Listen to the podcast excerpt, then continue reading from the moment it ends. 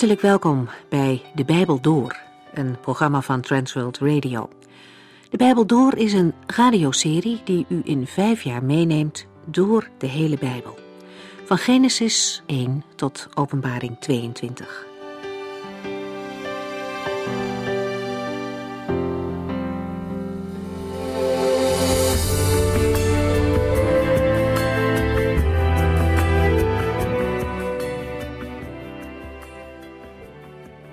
Welkom weer.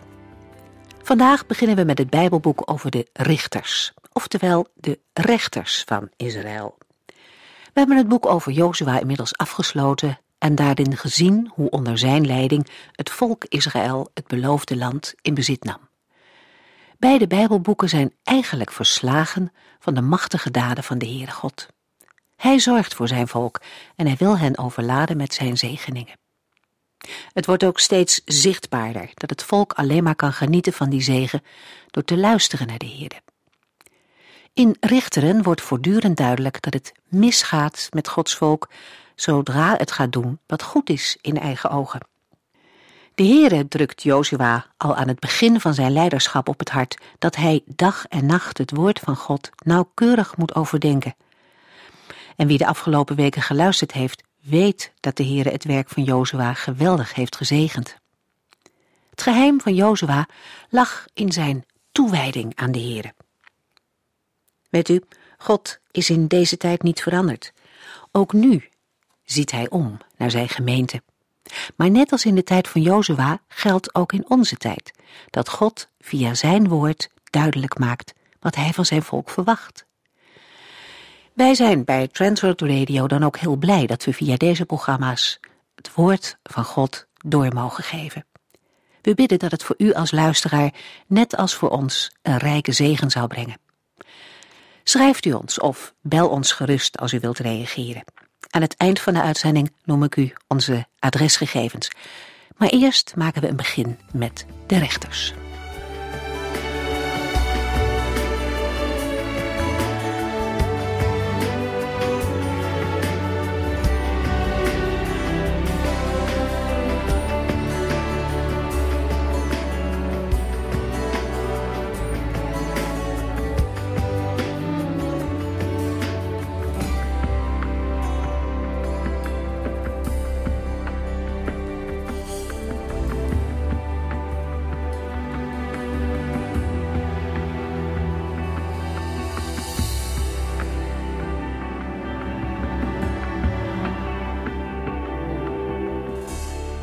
Het Bijbelboek Rechters of Richteren dankt haar naam aan de twaalf mannen en één vrouw die na de dood van Jozua en voordat Saul koning werd over Israël als rechter of richter dienden.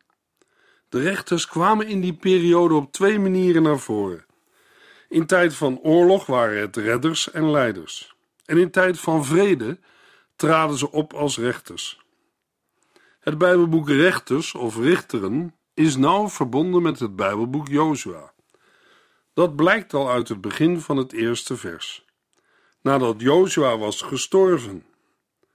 Het Bijbelboek is geen historisch verslag van de genoemde periode en ook niet bedoeld om de nationale trots van Israël te voeden. Het Bijbelboek Rechters laat voor alles het licht vallen op het ingrijpen van de Here. God is de held van dit Bijbelboek. De schrijver is ons niet bekend. De overlevering schrijft het Bijbelboek toe aan Samuel, die het tegen het einde van zijn leven zou hebben geschreven. In ieder geval kan men op grond van in die tijd was er immers geen koning in Israël. Iedereen deed wat hem het beste leek. Concluderen dat het boek is geschreven tijdens de periode van het koningschap. Dat de rechters of richteren historische figuren zijn, wordt door citaten en verwijzingen in het Oude en Nieuwe Testament bevestigd. De citaten zijn te vinden in de boeken van Samuel, Psalmen, Handelingen en Hebreeën. Zowel de Joodse als christelijke overlevering bevestigen de echtheid van het Bijbelboek. Bij de bespreking van de verschillende rechters zullen we zien dat ze allemaal beperkt waren in hun mogelijkheden. In feite hebben ze allemaal een handicap of een gebrek waardoor ze gehinderd worden hun taak goed te vervullen. Toch krijgen juist de menselijke beperkingen een positieve uitwerking. Juist daardoor komt de trouw en genade en de soevereine leiding van de Heer uit. Geen enkele rechter of richter werd een nationale leider, zoals Mozes en Jozua waren geweest. De beschrijvingen zijn ook niet volledig, maar geven een paar gebeurtenissen in sommige delen van het land Israël weer. De boodschap van het Bijbelboek Rechters is Gods onuitputtelijke genade en barmhartigheid. Vanuit het verleden en in het heden wordt teruggekeken naar de grote daden van de Heer. Hij was steeds weer bereid, als het volk berouw toonde, om vergeving te schenken aan een ontrouw en tot zonde vervallen volk. Steeds weer zien we dat de Heer opnieuw zijn volk aanneemt als zijn kinderen. In de beschrijving van de geschiedenis van de tijd van de rechters heeft Israël het bewijs in handen dat Gods volk alleen vrede en voorspoed kan vinden in volledige overgave aan de Heere en in het naleven van zijn geboden. Het Bijbelboek Richteren of Rechters is wel aangeduid met nederlaag en redding. Dat is een typerende aanduiding, maar het boek Rechters kan ook verbonden worden met het woord teleurstelling. Het volk Israël trok hoopvol het land binnen met grote plannen en buitengewone verwachtingen. Dat was op zich logisch na alles wat ze hadden meegemaakt. Ze waren uit Egypte bevrijd, hadden veertig jaar door de woestijn gezworven en werden daarna met grote daden van de Heer het beloofde land binnengeleid. Dan zijn de verwachtingen hoog en veelbelovend. Een hoge levensstandaard, voorspoed, roem en eer, leven en overvloed in het land dat de Heer had gegeven. Wat kon er met zo'n God nog misgaan? Richteren of rechters laat zien een heleboel als een mens niet doet wat de Heer heeft bevolen en niet luistert naar zijn woord. Israël faalde door nalatigheid en eigen zonden. Er kwamen nederlagen en golven van ellende en lijden over hen heen. Het Bijbelboek Rechters illustreert met historische gebeurtenissen de waarheid van Spreuken 14, vers 34. Als er rechtvaardigheid heerst, wordt een volk geëerd, maar als de zonde hoogtij viert, is dat een schande voor een land. Het is de geschiedenis van het land Israël, vanaf de dood van Jozua tot Samuel, die de laatste rechter en de eerste profeet was.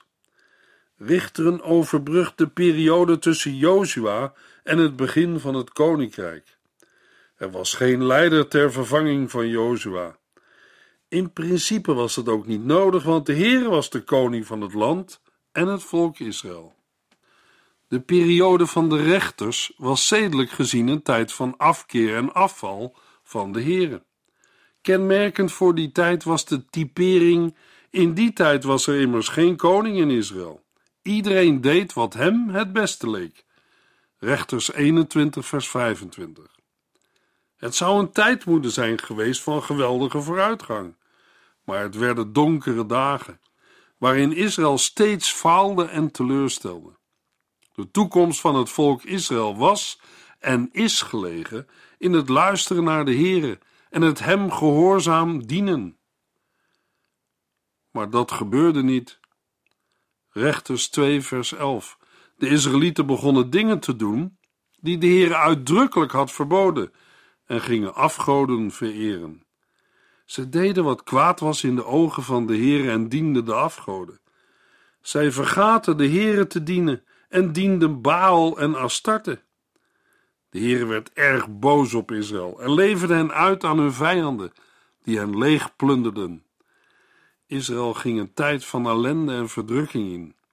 Al gauw kwam het volk tot bezinning en riepen in hun nood tot de Heere. Zij keerden terug tot God en toonden berouw. De Heere hoorde hun gebeden en liet rechters opstaan waardoor ze werden verlost. Daarna diende het volk dan een tijdje de Heere, maar al heel snel herhaalde de geschiedenis zich weer. Het volk Israël deed weer verkeerde dingen en verlieten weer de Heere. Zij volgden hun eigen zinnen en gedachten. Het voerde hen tot slavernij. Ze werden verkocht en verdrukt. Israël was weer overgeleverd aan anderen. Na een tijdje kwam het volk weer tot bezinning en begon het de Heere weer te dienen. En zo herhaalde de geschiedenis zich steeds weer. Niet alleen is dit patroon in het Bijbelboek Richteren of Rechters te vinden, maar we vinden het door de hele Bijbel heen. Het komt ook in onze dagen voor. Er is niets nieuws onder de zon. Het heeft mogelijk wel een ander jasje, maar in de kern van de zaak is het steeds het oude liedje. Een mens denkt het zonder God prima te kunnen redden. Maar als op een bepaald moment blijkt dat het niet lukt, dan heeft de Heer God het natuurlijk gedaan, want waarom doet Hij er niets aan? Uit het Bijbelboek Rechters blijkt dat de Heer er alles aan gedaan heeft om zijn volk in vrijheid te laten leven. Steeds weer gaf de Heer genade en uitkomst, en steeds weer ging Israël een eigen weg zonder God. Ook vandaag geldt dat de Heer er alles aan gedaan heeft om zijn volk in vrijheid te laten leven. De Heer had er zijn eigen zoon voor over. Hij stierf voor ons opdat een ieder die in hem gelooft niet verloren gaat. Geen mens kan vandaag zeggen dat de Heer niets aan de ellende van deze wereld heeft gedaan. Dan moet u toch eens goed naar het kruis van Golgotha kijken. En dat niet alleen, ook naar het open graf. Christus is opgestaan. Hij geeft aan ieder die in hem gelooft het leven voor eeuwig en altijd. Maar als een mens niet naar de Heer luistert en zijn woord het ene oor in en het andere weer uitgaat, dan ervaart u niets van zijn vrede en zorg. Israël is daarin ook voor vandaag een sprekend voorbeeld. In het Bijbelboek Jesaja laat de profeet in drie stappen zien hoe het verval in Israël is gekomen. De eerste stap is het geestelijk verval. Niemand vraagt naar God. De tweede stap is het moreel verval. Mensen bepalen zelf wat goed en kwaad is. Er is geen algemene norm. De derde stap is politieke onbestuurbaarheid. Daarmee is de laatste fase van verval van een land ingeluid en voert vaak tot een bloedige burgeroorlog waarin alleen verliezers zijn. Rechters 1, vers 1 tot en met 3. Nadat Jozua was gestorven, vroegen de Israëlieten aan de Heere: welke stam moet beginnen met de bestrijding van de Canaanieten? De Heere antwoordde: de stam Juda. Ik zal hun een grote overwinning geven. De leiders van Juda riepen daarna de hulp in van de stam Simeon en zeiden: Ga met ons mee als we de Canaanieten verdrijven uit het ons toegewezen gebied. Dan zullen wij jullie helpen om jullie gebied te veroveren. Toen sloot het leger van Simeon zich bij dat van Juda aan. Het Bijbelboek Rechters of Richteren opent met een uitgebreide situatieschets van de tijd van de rechters. Het begin wordt gemarkeerd door de dood van Jozua en zijn generatie. Rechters 1 vers 1 en 2 vers 6 tot en met 10. De situatieschets bestaat uit twee delen. Allereerst wordt duidelijk dat de Israëlieten er niet in zijn geslaagd de bewoners van het land, de Canaanieten, uit te roeien. Dat wat de Heer hen destijds had geboden, Deuteronomium 7. Daarna volgt in Rechters 2 vers 6 tot en met 3 vers 6 een meer theologische inleiding op de tijd van de rechters. Een typering van een droeve geschiedenis die zich steeds herhaalt. Het eerste hoofdstuk beschrijft op beknopte wijze de inname van Canaan door de Israëlieten. In het verlengde van het boek Jozua zou een snelle landinname voor de hand liggen. In het begin lijkt het daar ook op. Juda behaalt ogenschijnlijk zonder veel moeite enkele belangrijke overwinningen. Vers 1 tot en met 20. In de tweede helft van het eerste hoofdstuk verandert het beeld. Alleen Jozef boekt nog enkele successen. Maar de andere stammen slagen er niet in de steden in hun gebied in te nemen en worden gedwongen samen te leven met de Canaanieten. In het eerste hoofdstuk worden negen van de twaalf stammen genoemd. Zij faalden om de vijanden volledig uit te drijven.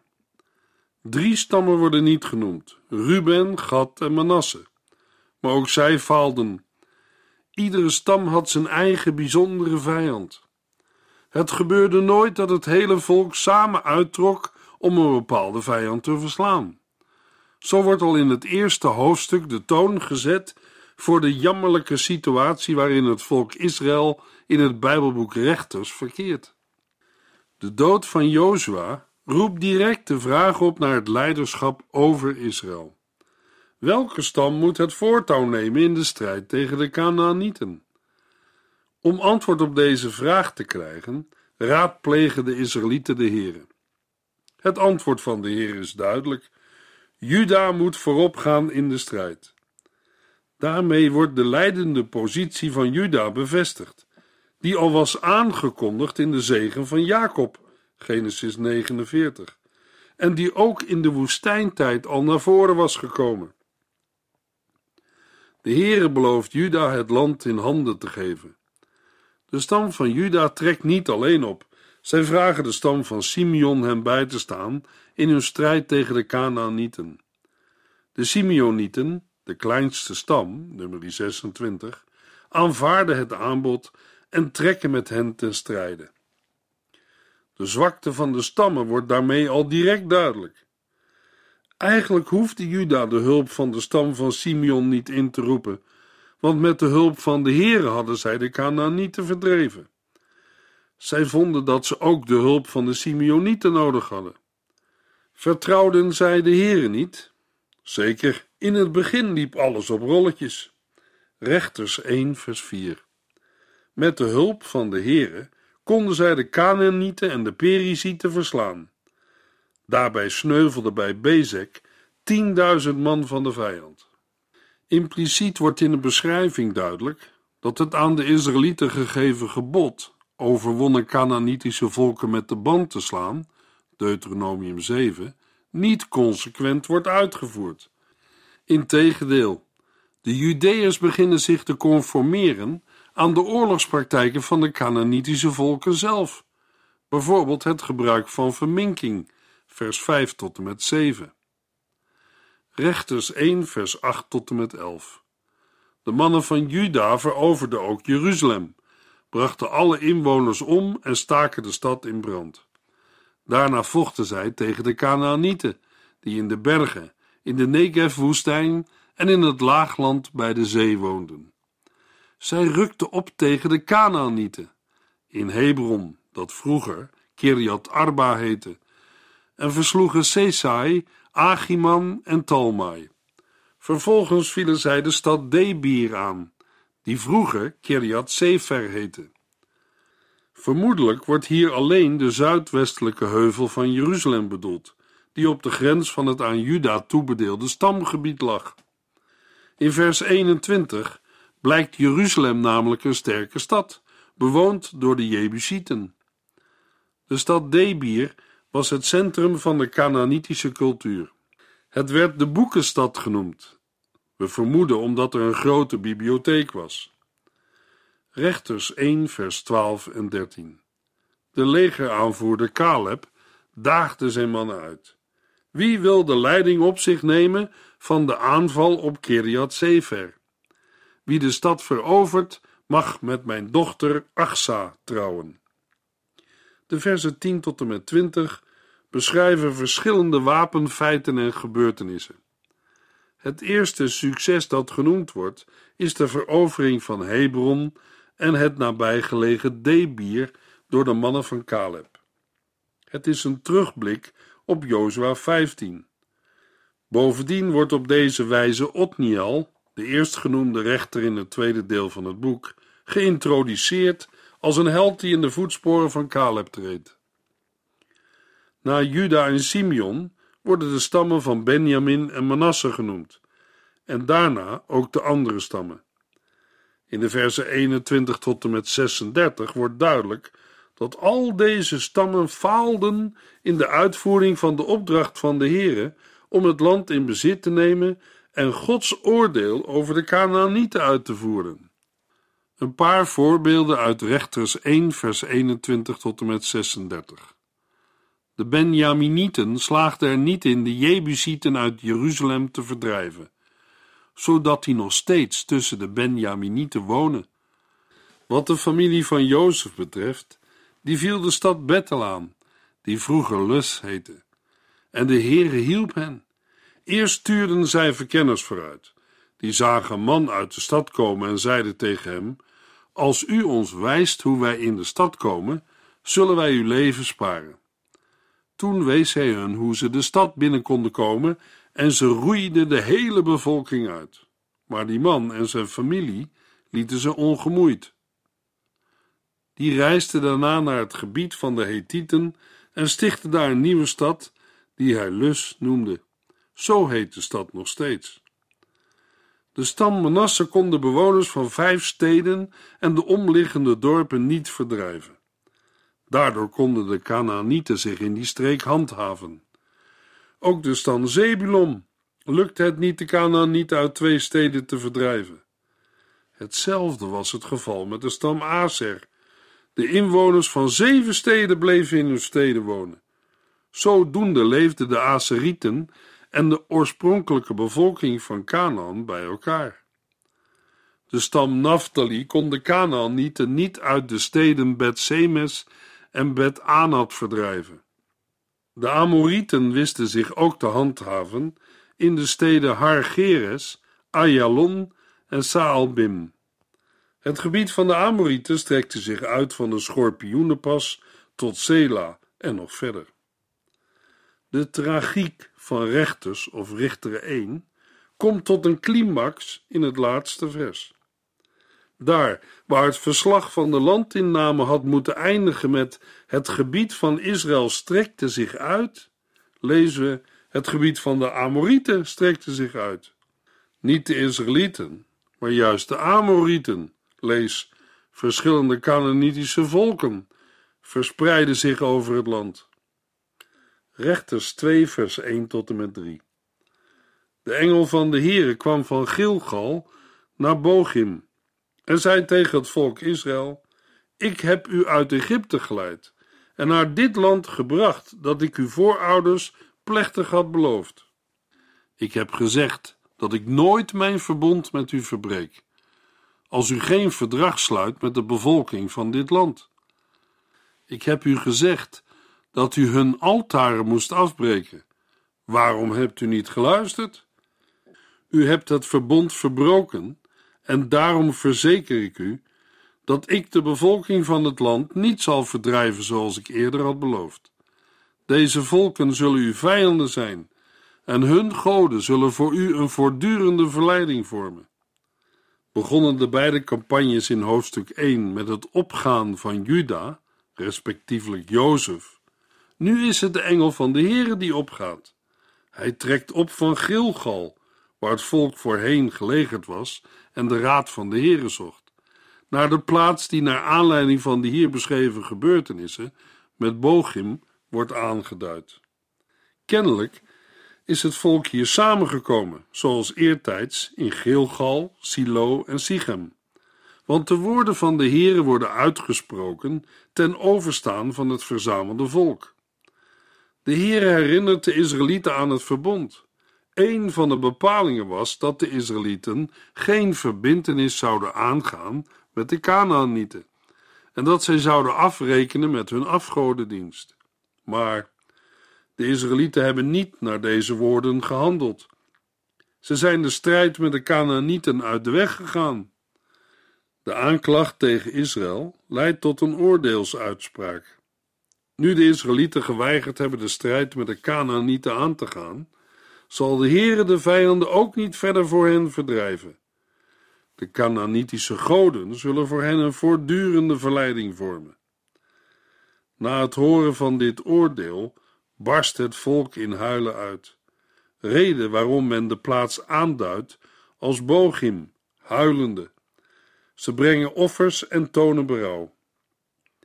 Het vervolg van het boek Rechters maakt helaas pijnlijk duidelijk dat de bekering niet blijvend is, maar dat Israël telkens opnieuw vervalt in afgoderij. Ook lezen we in het vervolg van het Bijbelboek Rechters nergens meer over nieuwe gebieden die door de Israëlieten worden ingenomen. Pas in de tijd van David en Salomo gaat de landbelofte geheel in vervulling. Rechters 2, vers 15 tot en met 17. Maar elke keer als het volk het vreselijk zwaar te verduren kreeg, liet de Heere richters optreden die hen van hun vijanden verlosten.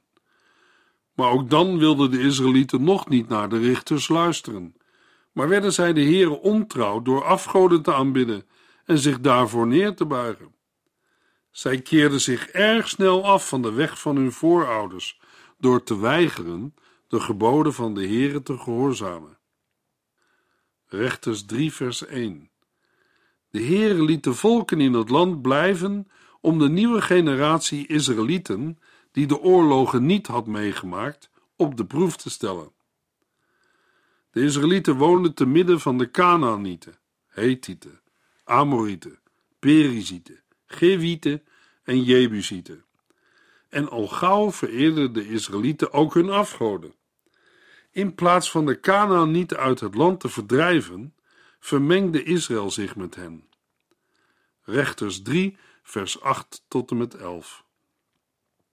Toen werd de Heere toornig op Israël en liet toe dat koning Kusan Risataim van Mesopotamië hen overwon. Acht jaar lang werden ze door hem overheerst. Maar toen Israël tot de Heere om hulp riep, gaf de Heere iemand om hen te verlossen.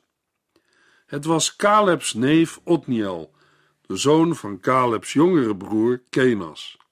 De geest van de Heere kwam over Otniel en hij stelde in Israël orde op zaken.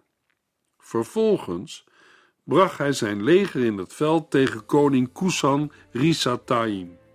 De Heere hielp Israël deze volledig te verslaan. In de volgende uitzending lezen we verder in Rechters hoofdstuk 3.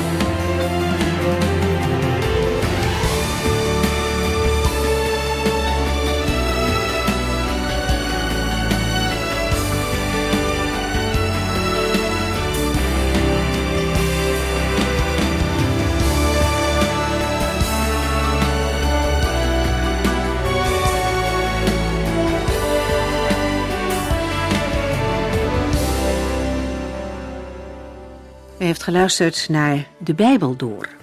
In het Nederlands vertaald en bewerkt door Transworld Radio.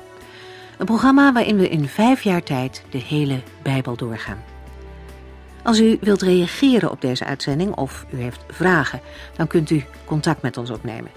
Tijdens kantooruren kunt u bellen op 0342 47 8432. 0342 47 8432. 32.